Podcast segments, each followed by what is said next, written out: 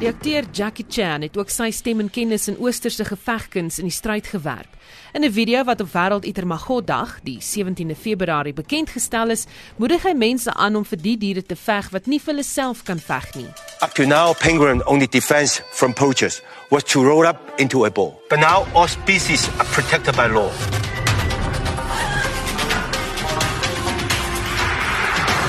So please, never buy penguin meat skill. John Hagten van die Intermagos Wersgroep in Suid-Afrika en 'n navorser by die Universiteit Pretoria sê die kans is baie goed dat die Intermagos gaan uitsterf terwyl baie mense in die wêreld nie eens weet van hulle bestaan nie. Yeah, it's the most uh, wild trafficked mammal in the world.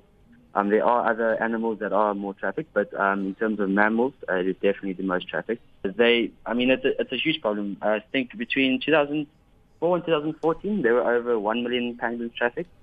That's a huge number if you think of each individual in its own little territory.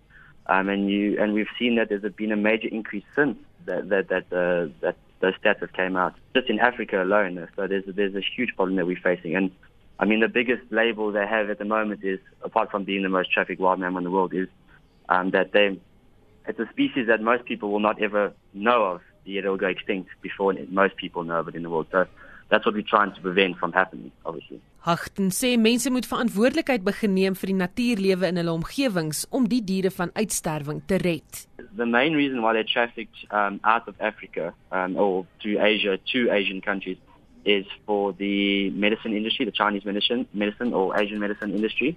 I think there's a bit, about a record of about 270 odd medicines that these Chinese are, uh, these uh, pangolins are used for um, in this in this medicine industry. Um, the other thing is that they're used as a, a, delicacy in terms of uh, there's a thing called fetus soup, it's uh, young baby pangolins or fetuses that are cooked in a soup and then eaten as a Chinese or Asian delicacy. But in Africa, it's mainly the bushmeat with some different types of uh, tribes or cultural cultural tribes believing that it's uh, either seen as a as a special animal, um, and if, if, for example, you find it when you come across across in the bush, you should give it to your tribal leader uh, as a as a sign of respect.